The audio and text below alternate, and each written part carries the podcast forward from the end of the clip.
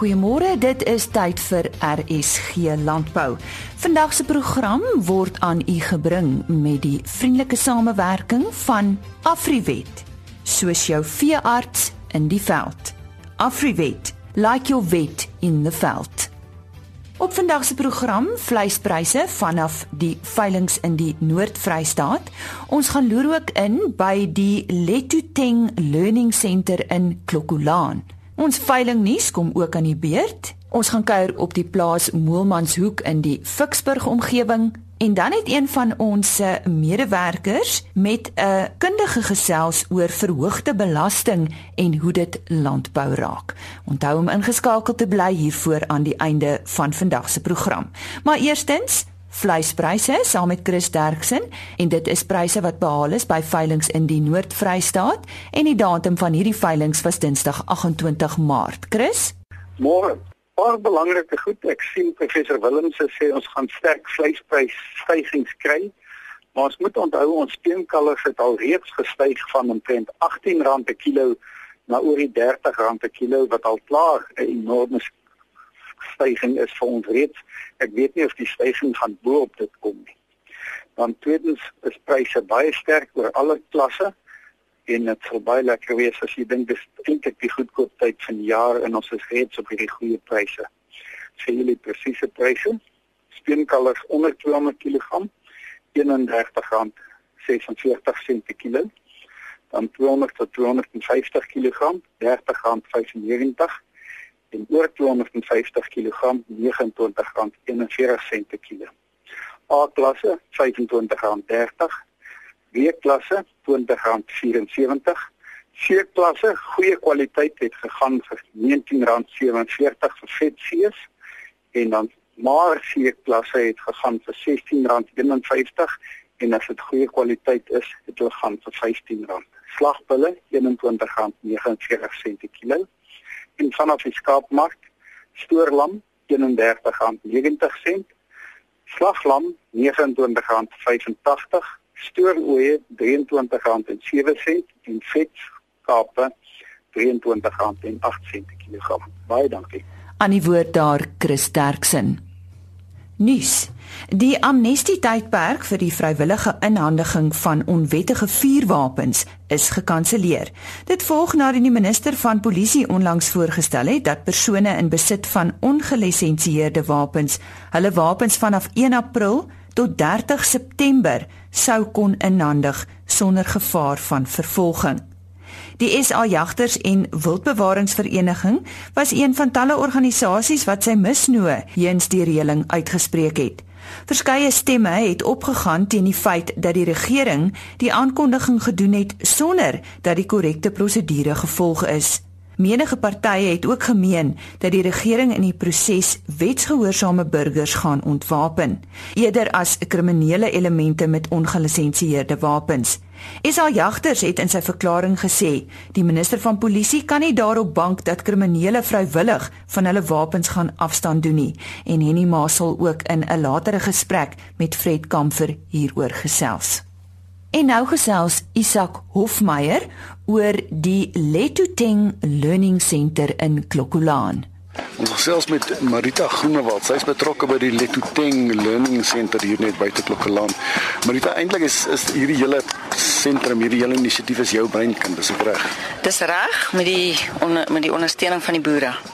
Nou van die begin af, gee ons gou oorsig van hoe dit gebeur en wat doen julle? Weet jy, ons het baie klagtes gekry van kinders wat so swaar kry en sit in bedel vir die OK. En toe het ons nou gaan ondersoek instel waaroor wat is dit en wat is die probleem en ons het besef uh, tot die gevolgtrekking gekom dat hierdie kinders kinders is wat nie ehm um, uh regeringshulp kry nie, hierdie grants omdat hulle van Lesotho af is eintlik. Hulle is ehm um, hulle ouers kom van Lesotho af. So hulle het nie geboortesertifikate nie en hulle mag nie skool toe gaan nie en hulle kry nie grants nie. So die kinders het nie ordentlike kos nie. En ons as boeregemeenskap het bymekaar gekom en besluit ons gaan iets doen. Ons het 'n NPO gestig en ons het ehm um, mense gekry om ons te help onderwysers en ons het hulle ons het hulle begin leer en uh, ete 'n dag te gegee en ons het 110 kinders op die oomblik. En uh ons is baie tevrede met die betrokkenheid van die gemeenskap van die um, al al die partye wil verskriklik graag help en help. Ons is ons het finansiële hulp nodig om verder te ontwikkel, maar vir kos en so aankom ons reg elke dag.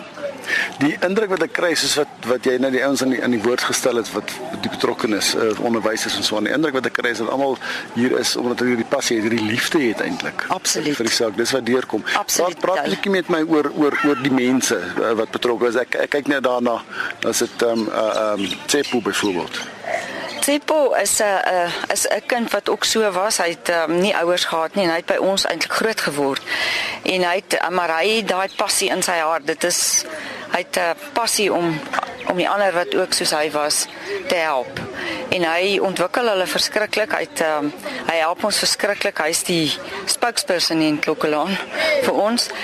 Ja, so ehm um, en van die die ander onderwysers, die ons skoolhoof het nou self ingeskryf vir 'n kursus om te leer as 'n uh, onderwyseres. En haar man is is, is ook 'n onderwyser, so sy doen dit op haar eie koste. Hulle kry op die oomblik 'n klein ehm um, aanvullingkie laat hulle daarom geld het om mee aan te gaan, maar dis nie 'n oordentlike salaris nie. Die ander mense, ons het ehm um, twee mense wat net kos maak en dan die ander mense wat hierso betrokke is is heeltemal ook uh vrywilligers wat hulle talente vir die kinders kom leer.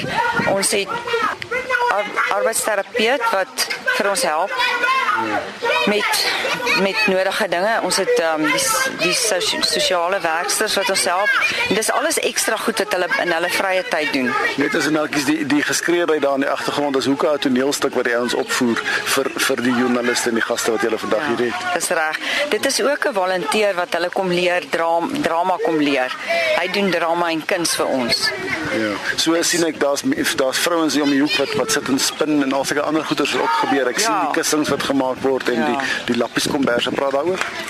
Ja, die um, mense wat spin, ons gee vir hulle wol en hulle spin met um, draadwiele, fietswiele eintlik en hulle weef matte en dan verkoop ons die matte vir hulle en hulle kry so inkomste. En dan is daar van die mense wat naaldwerk doen van die onderwysers self wat naaldwerk ekstra doen en ons verkoop dit vir hulle en hulle leer ook die kinders te doen, maar daardeur kry hulle ook 'n inkomste. Ehm um, die ouetjie wat met die meelsakke klere maak is baie trots op homself en hy glo hy gaan eendag 'n groot nuwe modegier hier hê. Hulle is almal baie positief en ek dink dit is 'n lekker kry goeie nuus storie wat hier by ons aangaan want dit is 'n betrokkenheid van die hele gemeenskap en almal wil graag help en niemand kry geld daardeur nie. As jy nou ten slotte gou-gou ehm um, uh die een ding kan sê wat jy nodig het van van mense wat nou hierdie onderhoud luister byvoorbeeld wat wat hoe hoe kan jy gehelp word? Daar's twee goed wat ons baie nodig het. En die een is geld, finansies. Want met finansies kan mens mense met betaal om vir jou te kom goed leer. Jy kan jy weet goed gaan koop wat mense nie ehm, so ons het geld nodig, maar dan het ons ook vaardighede nodig. Mense met vaardighede wat bereid is om te kom help en daar is baie as hulle net weet van ons. Hoe kom hulle met jou in kontak? Jou telefoonnommer. My telefoonnommer is 082 56 83 643.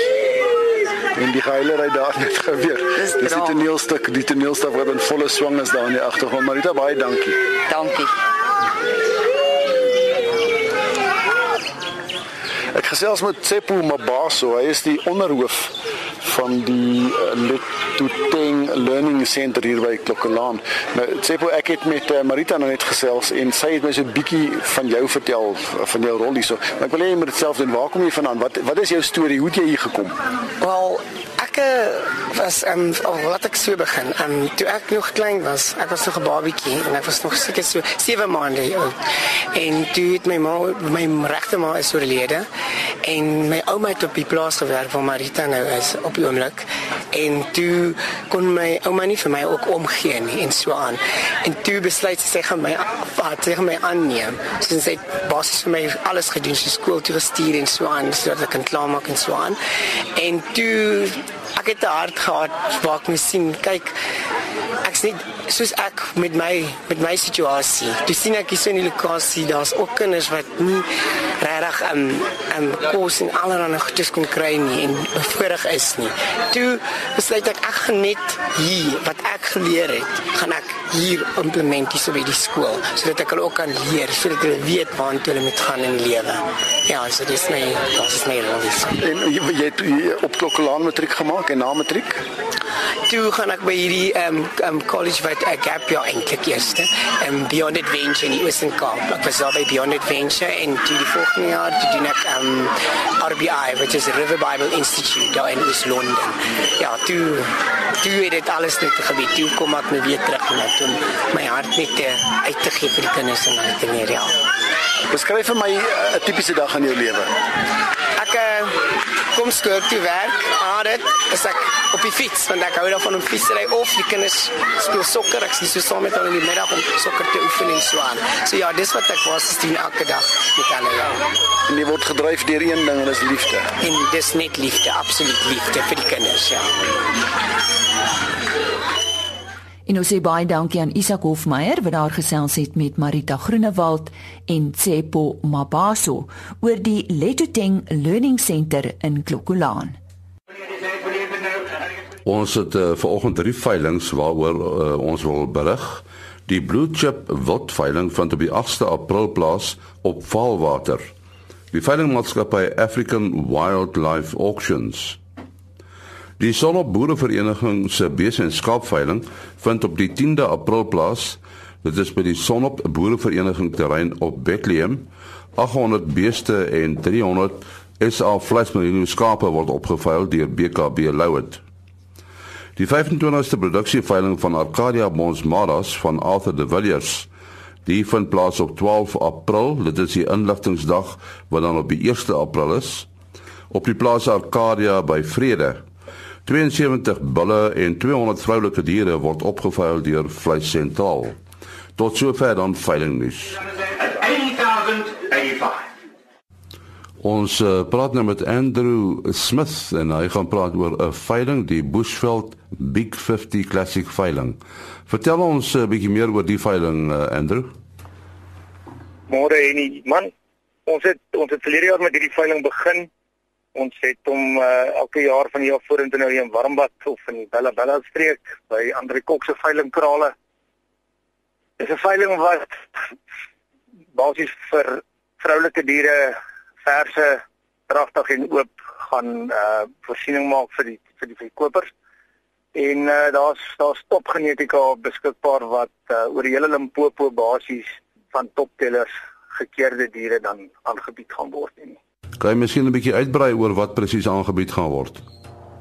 Nee, nie ons bied uh Brahmane wit en rooi aan op die veiling. Daar's so 54 lotte topkwaliteit diere van uitstaande gehalte wat gekeer word sodat uh jy weet aan die aan die rasstandaarde en al die vereistes voldoen. Die diere is dan dan ook uit die aard van die saak uh getoets wees vir alle heersende siektes en vry wees daarvan en uh dragtigheid sal op die dag jy weet dan ook deur veerte gesertifiseer wees. Uh dit gee die mense oor die hele land die geleentheid om strawwe hardwater, rooi water uh uh beeste te kom koop. Um wat oral oor die land basies dan kan gaan en ook uit die buiteland toe kan gaan. Uh die die naam is nou interessant, Bushveld Big 50 Classic. Wie die naam gegee?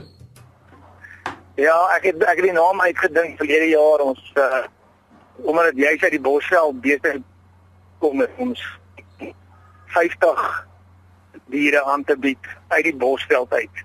En dis van waar hy vandaan gekom het. Big 5 was ons maar al die groot ding uh in die Bosveld het ons mag besluit kom ons kan nie 5 beeste verkoop ons verkoop 50 en ons doen die Bosveld Big 50 in plaas van Big 5 en die klassiek is nog net omdat dit 'n klassieke veiling gaan wees.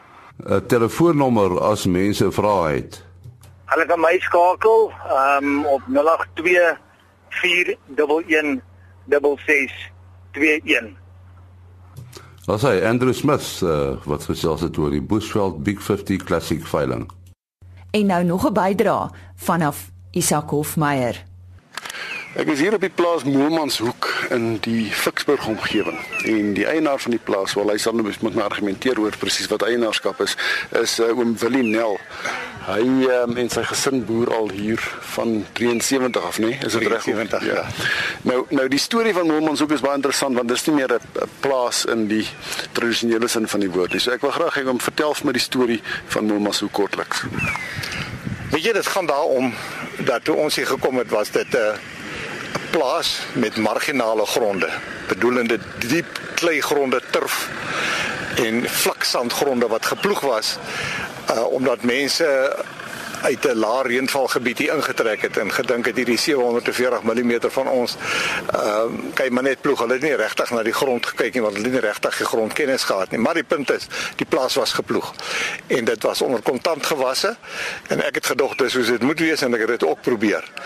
En ehm um, en twa, en ek het ook gronde bygehuur gehad uh wat gelukkig 'n bietjie beter saai grond was maar na 12 jaar het ek fyn somme gemaak en gesien maar hier's groot moeilikheid want ek het presies gelyk gebreek met die direkte insette en die direkte uitkom. Maar ek het geen vervangingskoste van van trekkers en vragmotors en daai soort ingereken arbeid al daai goed nie. So eintlik was ek baie onderdeur en ek het geweet ek sou moet kyk vir 'n alternatief.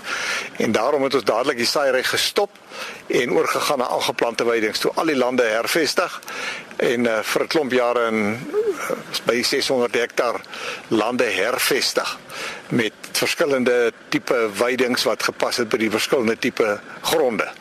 En uh, veral probeer om baie peelplante in te bring uh om om die grond weer reg te kry ensovoorts. En uh, nou ja, dit het dit het toe nou baie goed gewerk en in die proses het ons ook uh, al die slote damme ingebou om die erosie te stop want dit was soos jy op die foto's gesien het, ons het net boergrond uitgevoer sodat dit weggespoel het. En op die manier is die plaas toe herstel en toe die plaas herstel is, toe het ons nou die opsies van kan ons om met beesboer wat jou rondom sonder nou ander maniere van van kos maak in die orde van 700 rand per hektaar wins kon gee uh, wat daarom baie beter was as die negatiewe ding wat ons in was. Hmm. Maar ons het die alternatief gehad om te gesê, hoorie, maar ons kan met ekotourisme begin. En ons kan nog steeds vleis produseer met wild en so en sulke goed en beeste groep beeste as balkruisers. En ehm um, maar dit het soveel ander byvoordele gehad as ons daai roete sou gaan. En so het was ons geadviseer en toe het ons dit gedoen. En vandag uh, doen ons beter as wat ons met bees sou gedoen het, ten minste 200 rand per hektaar beter.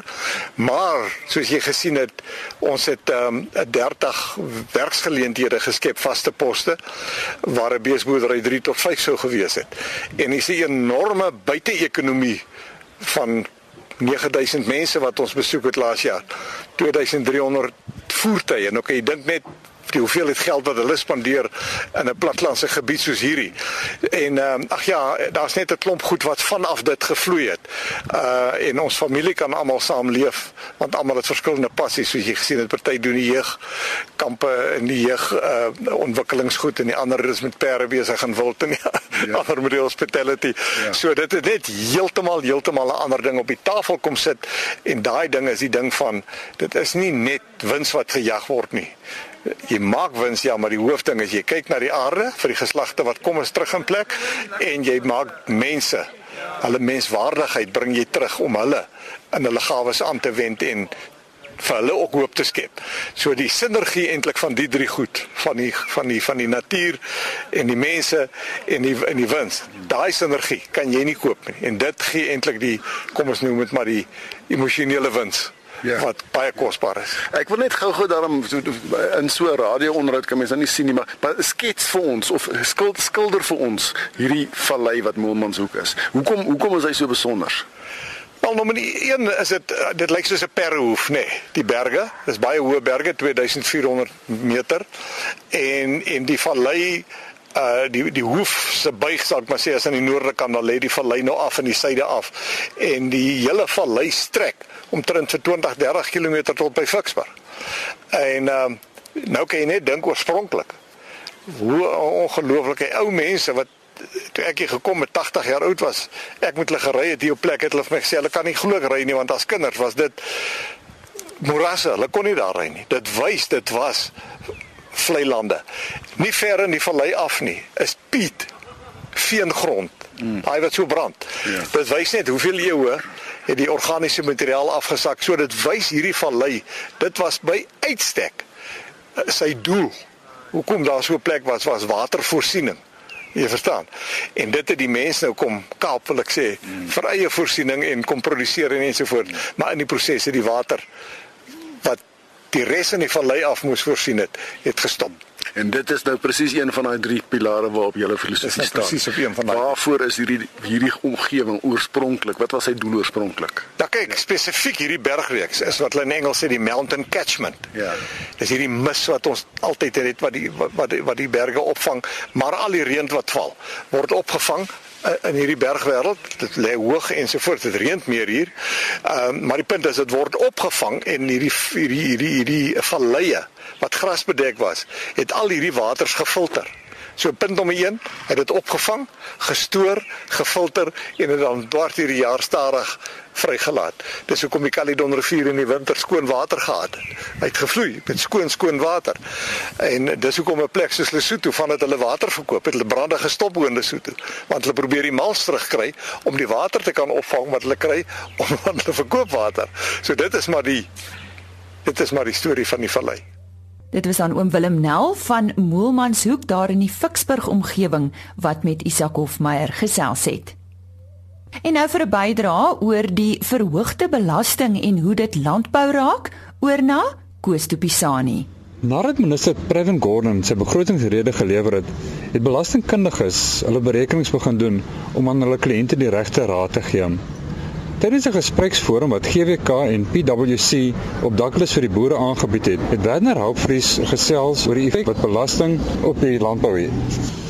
Wanneer daar word baie gepraat van radikale ekonomiese transformasie, is dit nie 'n term om bepaalde risiko's en kritieke veranderings te versag of dink jy dit sal die moeite werd wees as dit in groter Suid-Afrika toegepas word?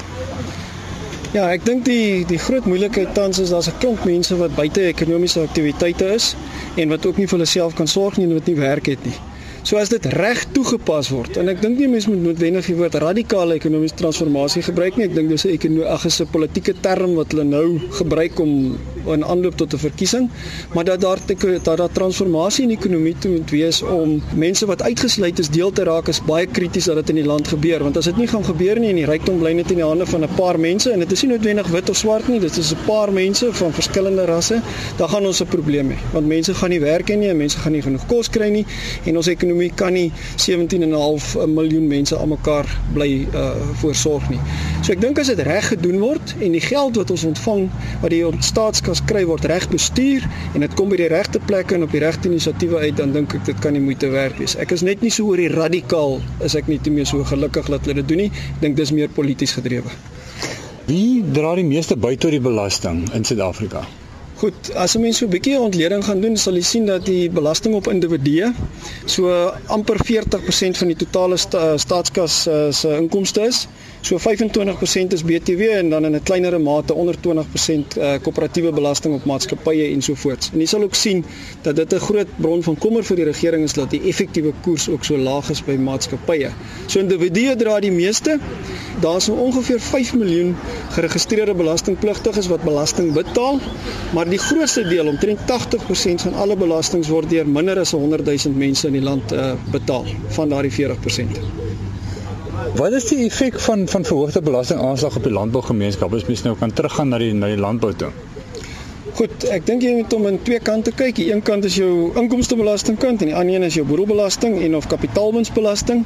Kapitaalwinsbelasting en boedelbelasting het 'n wesenlike uitwerking op die landbougemeenskap en die rede daarvoor is dat daar's 'n klomp kapitaal in grond en eiendom vasgesluit wat nie wat wat dit is, dit het waarde, maar dit het nie kontant nie. So as jy dit nie reg bestuur en beplan nie, gaan jy heel waarskynlik in 'n situasie geplaas word dat jy moet eiendom verkoop die dag as jy te sterwe kom om boedelbelasting en kapitaalwinsbelasting te betaal. So dis twee wat ek wil amper klassifiseer as as as 'n welvaartstipe belastings en dan saam met dit natuurlik uh, nog een is donasiebelasting. Jy kan nie net jou goed weggee nie. En uh, en so aan. So dis Dis die grootste impak en daar moet 'n mens baie baie mooi beplan. Jy moet die gebruik van trust reg uh, doen. Jy moet uh, strukture in plek sit wat die belasting in daardie goed kan kan bestuur. Ehm um, jy gaan dit in mates kan vermy, jy gaan dit nooit ten volle kan ontduik nie. En dan natuurlik die inkomstebelasting.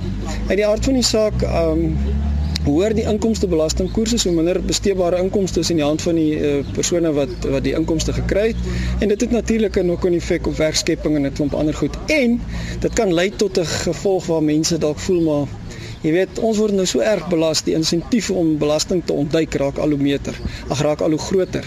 En dan kan hulle dalk begin doen. En die sleg daarvan is, dit kan tot nadeel van hulle besighede wees want hulle kan uh, redelike groot boetes en goed opgelê word as dit uh, op die lappe sou kom. Ehm um, het jy enige wenke vir die landbouer of die landbouprodusent ten opsigte van belastingbesparing? Ja, eh, die die lekker van ons Suid-Afrikaanse stelsel en ek dink nie boere dink altyd so daaroor nie, is dat ons het eintlik 'n baie baie goeie belastingstelsel wat baie gunstig is vir boerdery en boerdery toestande in Suid-Afrika. Jy sal as ek byvoorbeeld praat, die boere boere sal weet van dit, hulle het 'n verleringskaal, met ander woorde as hulle 1 jaar swak doen en die volgende jaar uitdoen buitengewoon goed, dan werk hulle op 'n gemiddelde skaal. Vee het nie waardes nie. Oeste op die land het nie belastingwaardes nie. So jy word eintlik eers belas die dag as jy werklik verkoop. So vir my gaan dit oor 'n ou moet jou weet wat aangaan met jou besigheid. Jy moet jou beplanning gereeld doen, jy moet 'n kontantvloei gereeld doen om te weet wat gaan aan in jou besigheid. Jy moet jou belasting vroegtydig beplan. Want as jy dit vroegtydig beplan, kan jy sekere insette binne die raamwerk van die wet vooraf koop, sekere uitgawes kan jy aangaan, sekere kapitaalaftrekkings wat jy kan kry wat ander ouens nie kan doen nie. So as jy hoe meer jy ingelig is en hoe meer proaktief jy jou besigheid bestuur, hoe meer kan jy van dit gebruik maak en dan meer op die boedel en uh, belasting ag uh, kapitaalwinsbelastingkant is die effektiewe gebruik van strukture soos trust en of ook dekking. Ek dink dis ook belangrik. Mense vergeet die rol van wat lewensdekking kan speel in so 'n uh, eh, beplanning. Ehm um, die regte gebruik van ehm um, spesialiste in elke veld. Ek glo nie daaraan dat een mens vir jou kan sit en al die antwoorde vir jou gee nie. Ek glo in 'n multidissiplinêre eh, deel waar jy met jou prokureur, jou rekenmeester of ouditeur en jou makelaar om 'n tafel sit en die regte antwoord kry. Want as hulle nie saam daar is nie, dan ehm um, kry jy nie noodwendig die beste van al die al die wêrelde nie. En dit was dan Koos de Pisani daar in gesprek met Werner Hoopfleisch. Ons het gekom aan die einde van vandag se program. Môreoggend op RC Landbou gesels Dr. Johan van Rensburg oor bosluis oorgedraagde siektes. 'n 14-jarige Oos-Kaap jeugskou deelnemer deel sy geheime Ons vind ook meer uit oor internasionale wouddag en dit is maar van die onderhoude môreoggend so onthou om weer om 05:30 saam met ons te kuier. Vandag se program is aan u gebring deur Afriwet, soos jou veearts in die veld. Afriwet, like your vet in the veld. Totsiens. RSG Landbou is 'n produksie van Blast Publishing. Produksieregisseur Henny Maas. Aanbieding Lisa Roberts. En uitskoördineerder Martie Kerstyn.